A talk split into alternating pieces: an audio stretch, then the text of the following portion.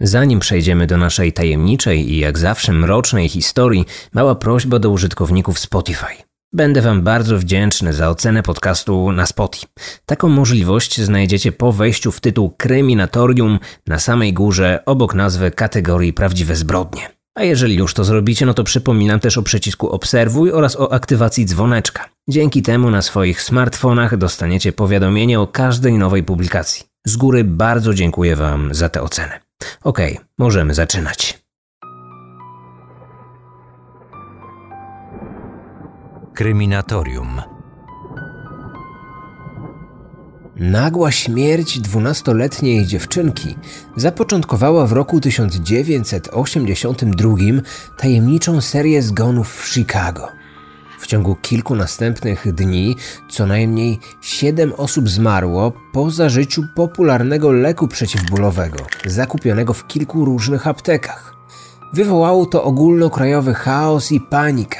Śledczy stanęli przed jedną z największych zagadek w kryminalnej historii USA. Kto odpowiadał za skażenie leku silną trucizną? Producent tego medykamentu a może wyrafinowany seryjny zabójca.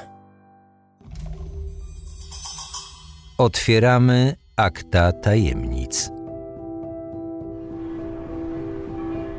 29 września 1982 roku, przedmieścia Chicago w stanie Illinois. Dwunastoletnia Mary obudziła się tuż po godzinie 6 rano. Od kilku dni była przeziębiona, ale tamtej nocy jej stan zdrowia nieznacznie się pogorszył. Dziewczynka przyszła do sypialni rodziców i obudziła ich. Źle się czuła, przez co nie mogła spać. Skarżyła się na katar, ból gardła i głowy. Opisane przez Mary objawy nie zaniepokoiły jednak rodziców. Tamtego roku chłodniejsza niż zwykle jesień sprzyjała takim chorobom jak grypa czy przeziębienie. Aby nieco złagodzić objawy choroby, matka dziewczynki podała jej kapsułki Tylenolu, jednego z najpopularniejszych wtedy leków przeciwbólowych i przeciwgorączkowych, zawierających paracetamol. Następnie odprowadziła Mary do jej pokoju i zapewniła, że wkrótce poczuje się lepiej. Zanim wróciła do siebie, jeszcze zmierzyła córce temperaturę. Był stan podgorączkowy. Nie było jednak powodów do obaw. Tylenol znany był przecież ze swojej skuteczności w walce z gorączką. Leżąc już w swoim łóżku, kobieta pomyślała, że jeśli do rana objawy nie złagodnieją, zabierze córkę do lekarza. Godzinę później matka obudziła się. Swoje pierwsze kroki skierowało do pokoju córki, aby sprawdzić, co u niej. Łóżko dziewczynki było jednak puste. Przez uchylone drzwi łazienki kobieta dostrzegła światło. Weszła do środka. Wtedy zobaczyła swoją córkę. Mary leżała nieruchomo na podłodze i nie dawała oznak życia. Matka od razu wezwała pogotowie ratunkowe. Dziewczynka została natychmiast zabrana do szpitala, jednak zmarła zanim karetka dojechała na miejsce. Lekarze podejrzewali, że przyczyną jej śmierci był udar. Kilka godzin później inny zespół medyczny odebrał pilne wezwanie do jednego z domów po drugiej stronie miasta. 27-letni pracownik poczty, Adam, nagle źle się poczuł. Gdy przybyła karetka, mężczyzna leżał na podłodze.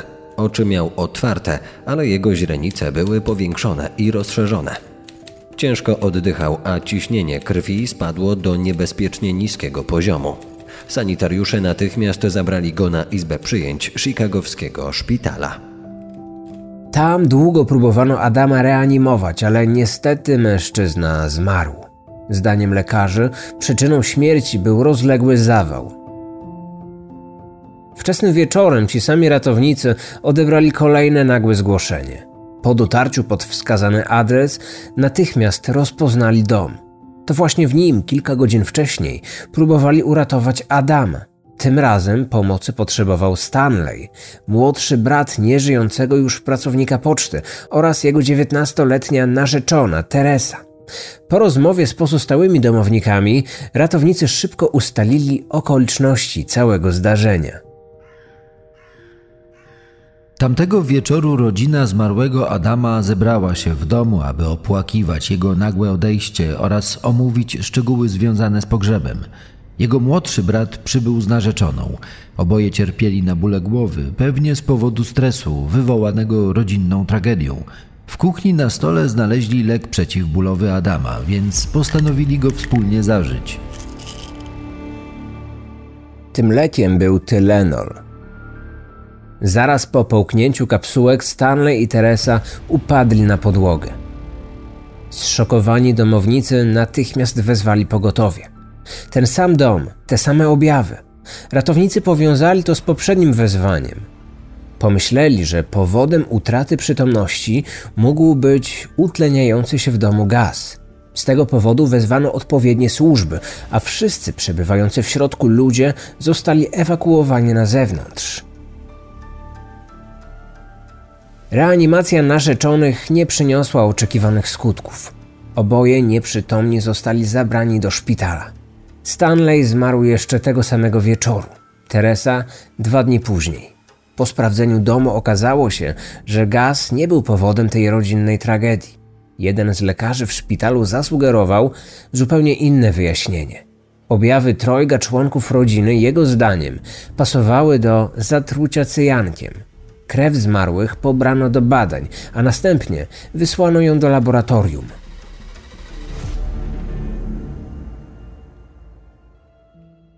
Czasie, gdy próbki krwi były testowane na obecność cyjanku, dwóch przyjaciół z Chicago spotkało się na przydomowym grillu. Obaj byli sanitariuszami. Podczas rozmowy ze zdziwieniem odkryli, że 29 września zostali wezwani do dziwnych przypadków zakończonych jeszcze dziwniejszymi zgonami. I oba te wezwania miały miejsce blisko siebie, w północno-zachodniej części miasta. Filip bezskutecznie próbował wówczas uratować dwunastoletnią dziewczynkę, a Richard w dwóch próbach trzech członków jednej rodziny. Mężczyźni w pewnym momencie przypomnieli sobie, że wszystkie ofiary przed śmiercią przyjęły ten sam lek przeciwbólowy i przeciwgorączkowy Tylenol. Najpierw obaj uznali, że był to niezwykły zbieg okoliczności, jednak już po chwili zaczęli mieć wątpliwości. A co jeśli to nie był przypadek? Czy to możliwe, aby wszystkie zgony miały związek z zażyciem Tylenolu? Sanitariusze o swoich przypuszczeniach poinformowali Departament Policji w Chicago.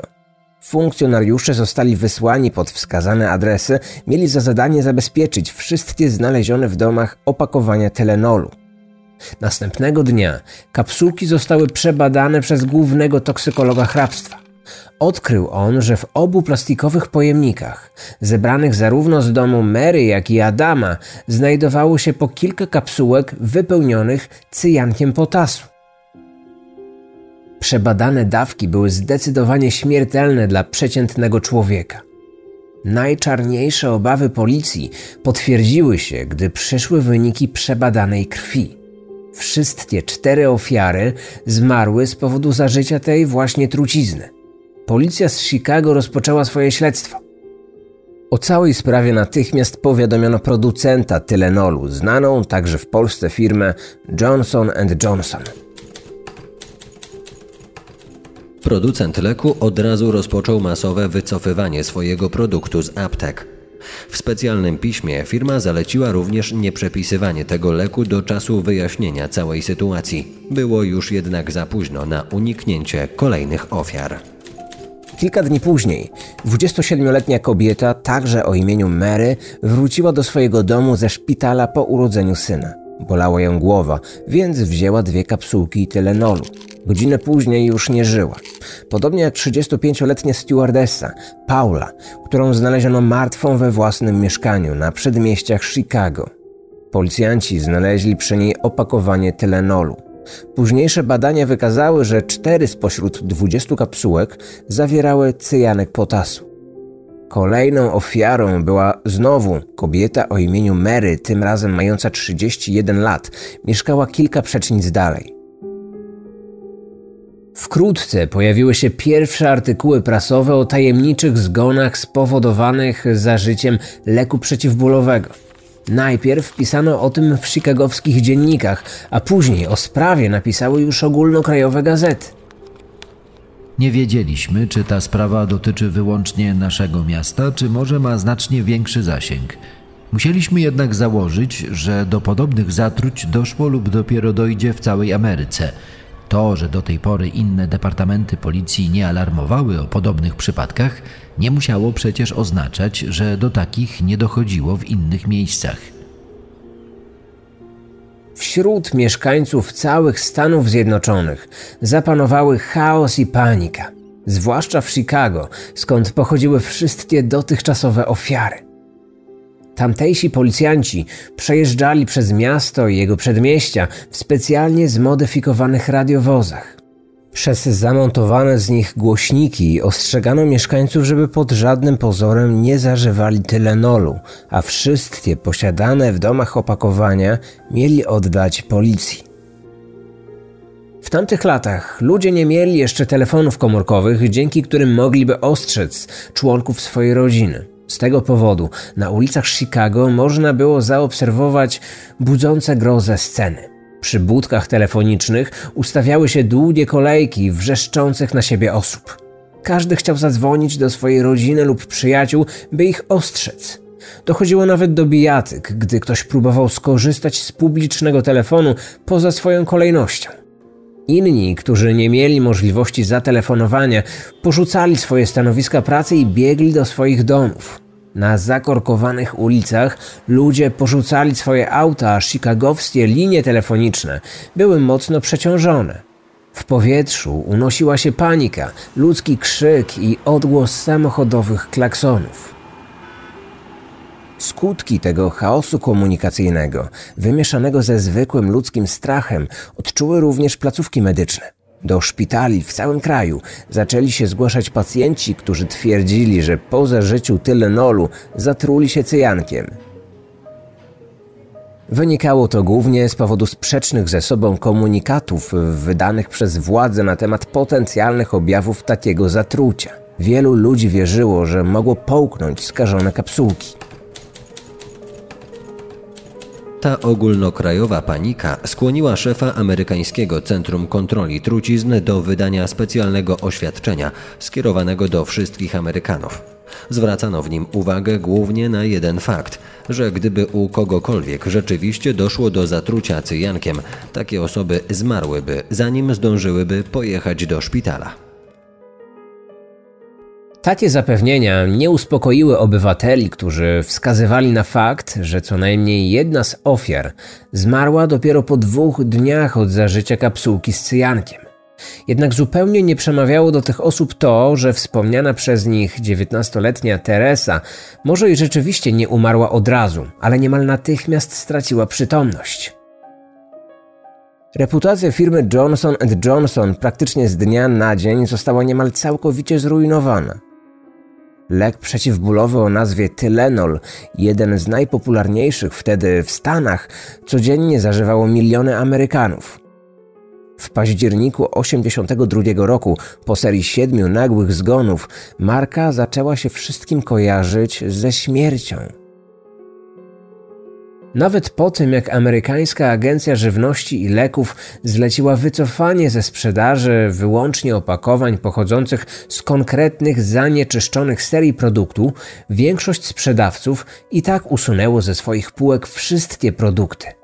Wyliczono, że w ciągu jednego miesiąca wycofano z rynku ponad 31 milionów opakowań tego leku, co kosztowało producenta ponad 125 milionów dolarów, co stanowiło równowartość dzisiejszych 300 milionów.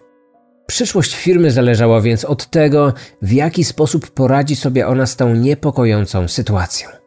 Szefowie Johnson Johnson postanowili więc ściśle współpracować z organami ścigania i dołożyć wszelkich starań, aby dowiedzieć się, czy cyjanek został dodany do kapsułek jeszcze w fabryce, czy może do skażenia doszło już później, w zupełnie innym miejscu. Wewnętrzne kontrole wykazały, że pierwsza z tych opcji nie była w ogóle możliwa. Produkcja leku była ściśle i szczegółowo monitorowana. Śledczy uznali wówczas, że do zanieczyszczenia mogło dojść tylko w jeden sposób. Zdaliśmy sobie sprawę, że ktoś metodycznie zdejmował ze sklepowych półek plastikowe pojemniki tylenolu, bez znaczenia było to, czy je kupował, czy kradł, po czym z kilku kapsułek wysypywał lek, zastępując go trucizną. Następnie odkładał pojemnik z powrotem na półki. Tak spreparowane kapsułki trafiały potem do przypadkowych ofiar. W każdym z takich opakowań, na które trafiła policja, znajdowało się od 3 do 10 kapsułek z cyjankiem. Dla śledczych stało się jasne, że mieli do czynienia z szaleńcem lub terrorystą. Dlaczego to robił? Czy chciał zabić przypadkowe osoby, czy może jego działania miały skutkować otruciem konkretnych ludzi? Nikt tego nie wiedział. Dla prowadzących śledztwo detektywów tylko jedno było pewne. Jeśli sprawca szybko nie zostanie namierzony i schwytany, może dojść do jeszcze większej ilości zgonów. Wkrótce do poszukiwań mordercy włączyło się zarówno FBI, jak i pracownicy amerykańskiej Agencji Żywności i Leków. Przebadano setki tysięcy opakowań wycofanego ze sklepu i aptek Tylenolu, ale tylko w Chicago odkryto kolejne skażone kapsułki. Ustalono także, że wszystkie siedem ofiar swoje opakowania leku zakupiło w siedmiu różnych miejscach w północno-zachodniej części miasta. Śledczy doszli także do wniosku, że terrorysta z Tylenolem, jak wkrótce tego sprawcę zaczęli nazywać dziennikarze, skażone opakowania podrzucał w celowo wybranych przez siebie z jakiegoś powodu sklepach. Ale nie miał on nawet najmniejszego wpływu na to, kto kupi takie opakowanie. A więc czyżby nie chodziło mu o konkretne osoby? Jeśli nie miało dla niego znaczenia, kto umrze, to co innego mogło nim kierować? Czy żywił urazę do tych właśnie sklepów? Czy został w nich hmm, źle obsłużony? A może był zwolnionym pracownikiem? Przesłuchanie obsługi oraz przejrzenie monitoringu nie potwierdziło tej hipotezy. To może ten terrorysta chciał w ten sposób zniszczyć reputację producenta leku. Bardzo prawdopodobne, ale dlaczego? Może bliskiej mu osobie kiedyś zaszkodził mu znany w tej całej Ameryce środek przeciwbólowy. To dlatego zdecydował się na tak okrutną, prywatną zemstę? A może człowiek ten w ogóle nienawidził całego społeczeństwa i bez znaczenia było dla niego to, kto umrze, byleby tylko liczba ofiar była jak największa. Tak wiele pytań i żadnych odpowiedzi.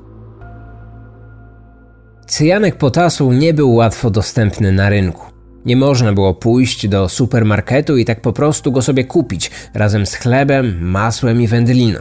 Dostęp do niego miały jednak osoby pracujące w takich branżach jak wydobycie złota i srebra, metalurgia, produkcja nawozów, folii lub chemikaliów. I właśnie w tych miejscach postanowiono szukać potencjalnych sprawców. Rozpoczęła się ogólnokrajowa obława na terrorystę z Tylenolem – Miesiąc później w ręce agentów federalnych wpadł pierwszy podejrzany. Był nim 48-letni Roger Arnold, chemik amator i pracownik magazynu dostarczającego Tylenol do dwóch sklepów, z których pochodziły opakowania zawierające truciznę. Mężczyzna podczas przesłuchania przyznał się, że w pracy miał dostęp do cyjanku potasu. Zaprzeczył jednak, że jest poszukiwanym terrorystą. Choć w jego mieszkaniu detektywi zabezpieczyli broń, dwa bilety lotnicze w jedną stronę do Tajlandii oraz książkę, w której opisano jak napełnić trucizną kapsułki na leki, nie było żadnych dowodów, że to on jest poszukiwanym trucicielem.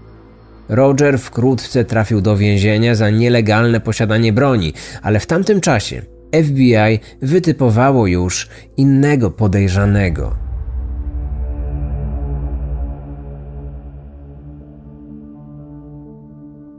Krótko po śmierci ostatniej ofiary do biura firmy Johnson Johnson przyszedł odręcznie napisany list.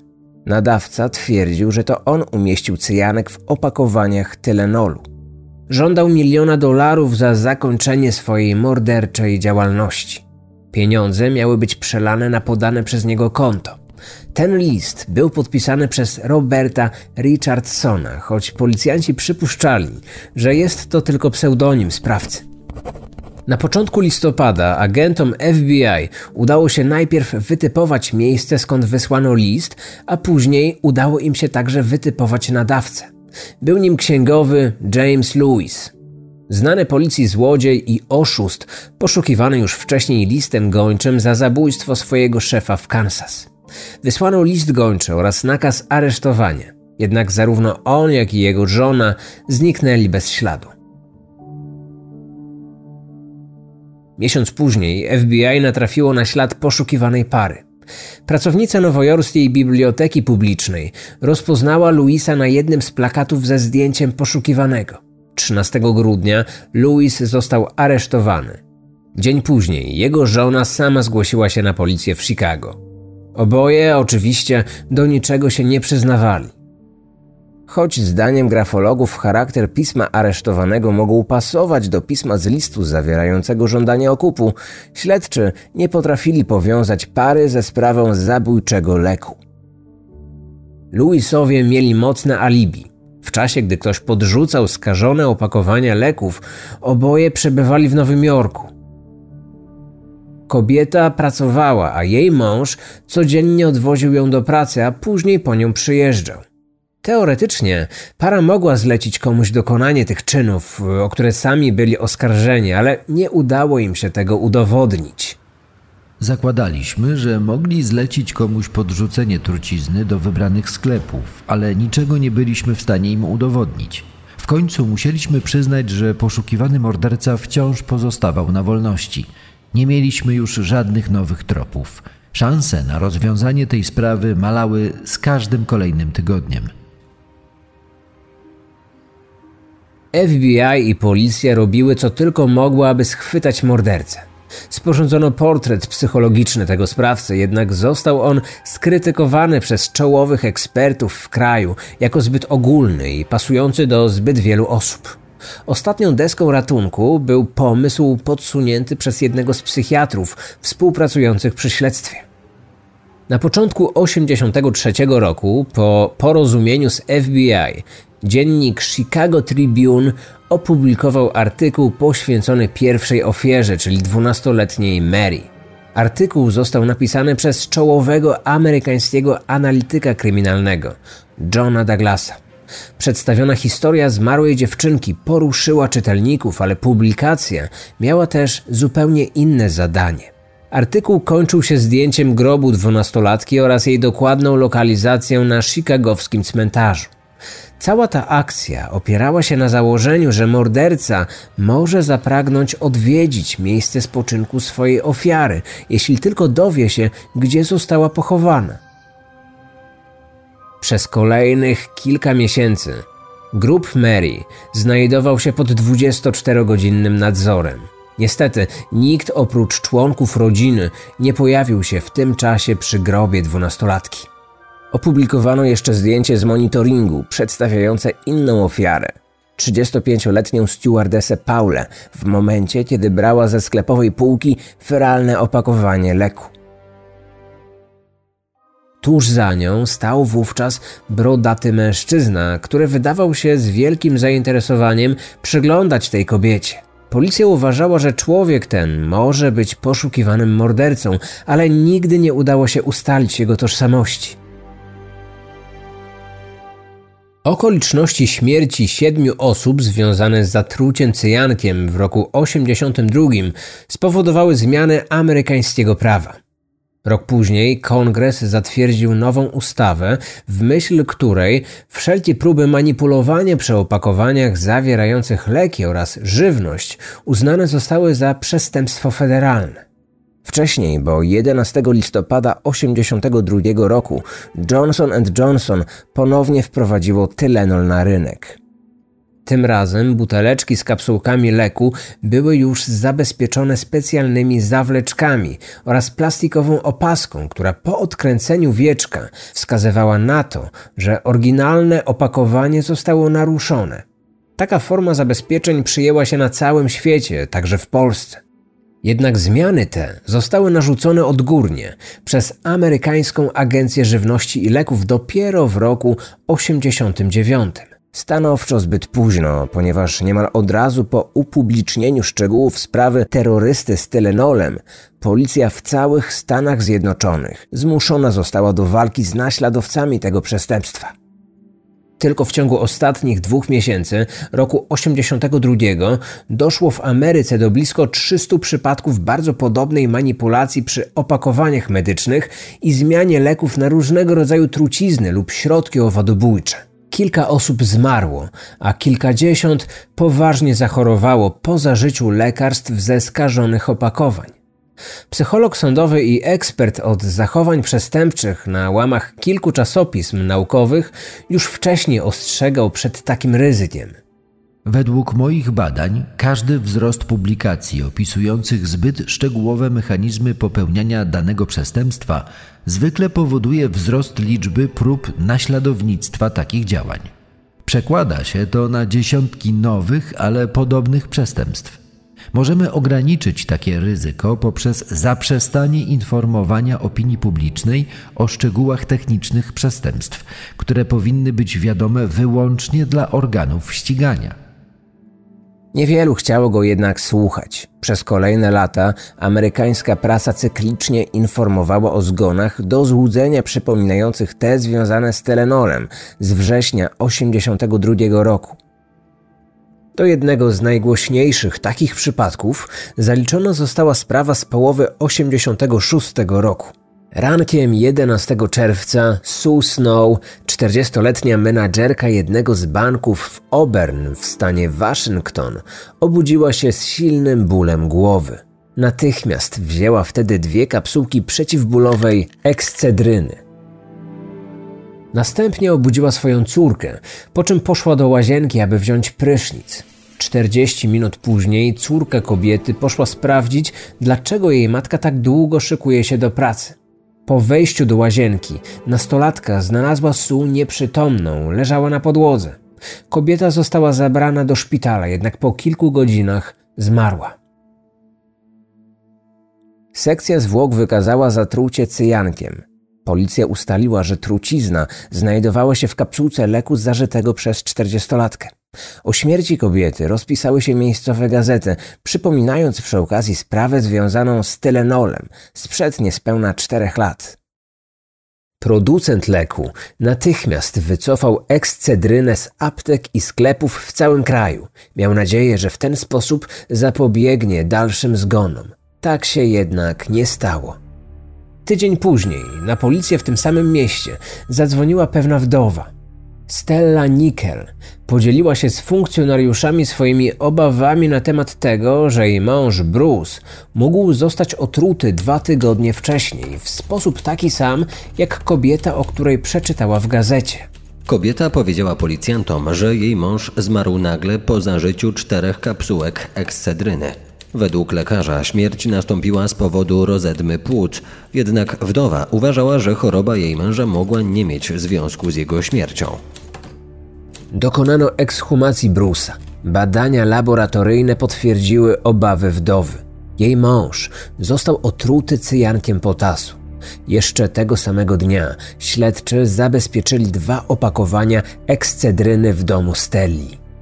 Podobnie jak to miało miejsce cztery lata wcześniej w Chicago, tym razem cały stan Waszyngton ogarnął strach, że seryjny morderca powrócił.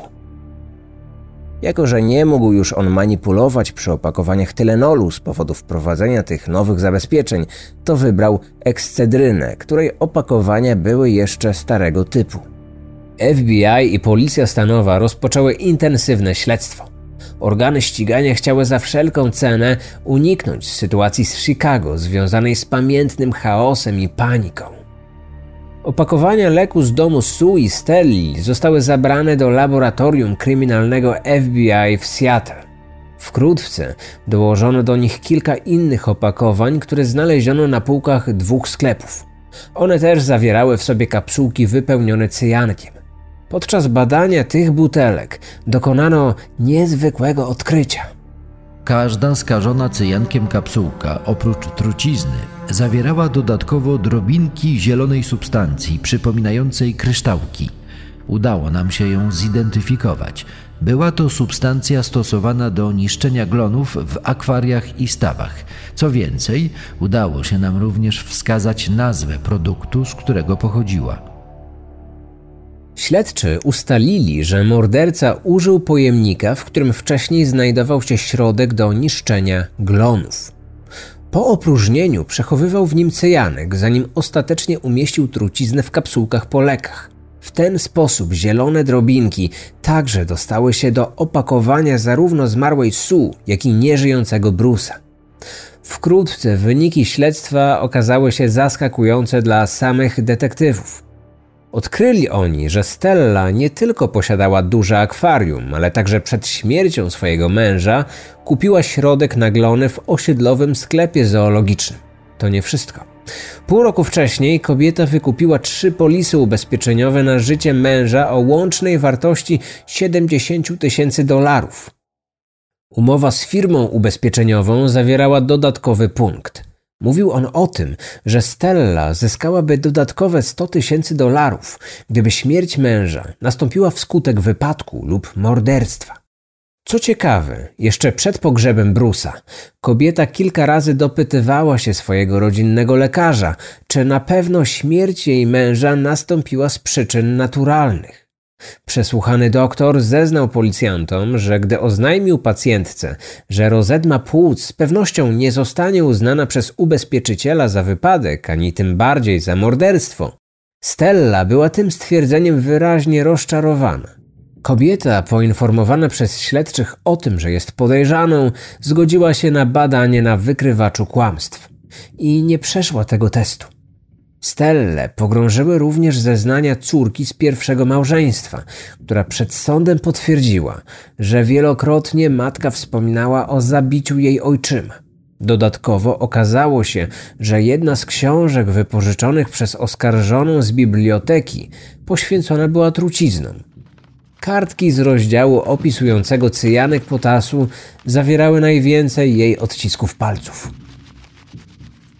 Stella podłożyła w dwóch sklepach opakowania leku zawierające cyjanek. Chciała upozorować śmierć męża na działanie mordercy podobnego do tego z roku 82 roku. Chciała w ten sposób wyłudzić pieniądze. Jedno z tych opakowań kupiła Sue, co okazało się dla niej tragiczne w skutkach. Dwa inne opakowania trzymała w domu i gdy uznała, że przyszedł odpowiedni moment, spreparowaną przez siebie kapsułkę podała mężowi. Stella Nickel została uznana winną dwóch zbrodni. Skazano ją na 80 lat więzienia. Tym samym stała się pierwszą osobą skazaną w USA za popełnienie morderstwa z wykorzystaniem manipulowania opakowaniem zawierającym leki lub żywność, Pierwszą, ale nie ostatnią. Sprawa, która przyczyniła się do zmian prawnych pozwalających oskarżać i skazywać za taki rodzaj zabójstw, do dzisiaj nie doczekała się szczęśliwego rozwiązania. Choć do śledztwa wracano jeszcze kilka razy, bez rezultatu. Ostatni raz miało to miejsce 10 lat temu. Przebadano wówczas DNA mordercy Teda Kaczyńskiego z Chicago, zwanego Juna Bomberem. Okazało się, że on także nie był terrorystą z Tylenolem. Mniej więcej w tym samym czasie ponownie przesłuchano Jamesa Louisa. Przeszukano też jego dom. Nie znaleziono jednak niczego, co mogłoby go obciążyć. Choć oficjalnie śledztwo nadal trwa, póki co wciąż nie udało się zidentyfikować poszukiwanego od blisko 40 lat zabójcy. Na koniec warto jeszcze może wspomnieć o zupełnie nieoczekiwanych ofiarach tego szaleństwa, jakie pod koniec roku 82 opanowało nie tylko Chicago, ale i cały kraj. Tymi ofiarami były dzieci w trakcie bardzo popularnego w USA Halloween, przypadającego miesiąc po omawianej w tym odcinku głośnej serii zgonów. Chodzące po domach i krzyczące cukierek albo psikus dzieci były głęboko rozczarowane, gdy większość rodziców zabroniło im wówczas prosić obce osoby o słodycze. Obawiano się, że jakiś szaleniec może podać dzieciom zatrute cukierki. Dla nikogo nie miało to wówczas znaczenia, czy byłby to poszukiwany przez FBI morderca, czy jakiś niezrównoważony psychicznie naśladowca. Kilka dni później Amerykański przemysł spożywczy oficjalnie poinformował, że w październiku 1982 roku sprzedaż cukierków spadła w kraju aż o 20%, co nigdy wcześniej i nigdy później nie miało już miejsca. Więc do listy oficjalnych ofiar terrorysty z Tylenolem można też chyba doliczyć te wszystkie amerykańskie dzieci, które tamtego pamiętnego Halloween musiały pozostać w swoich domach, choć na ten dzień czekały cały długi rok. Zdaniem nie tylko większości rodziców, ale i niektórych amerykańskich mediów, ten jeden, jedyny raz w historii amerykańskiego Halloween, powiedzenie cukierek albo psikus, zastąpione zostało powiedzeniem życie albo śmierć. Odcinek powstał na podstawie książek i prac takich autorów jak Rachel Bell, Jason Manning, John Douglas, Mark Olshaker, Greg Olsen oraz David i Barbara Mickelson. Wykorzystano również artykuły opublikowane przez CNN oraz The Daily Herald.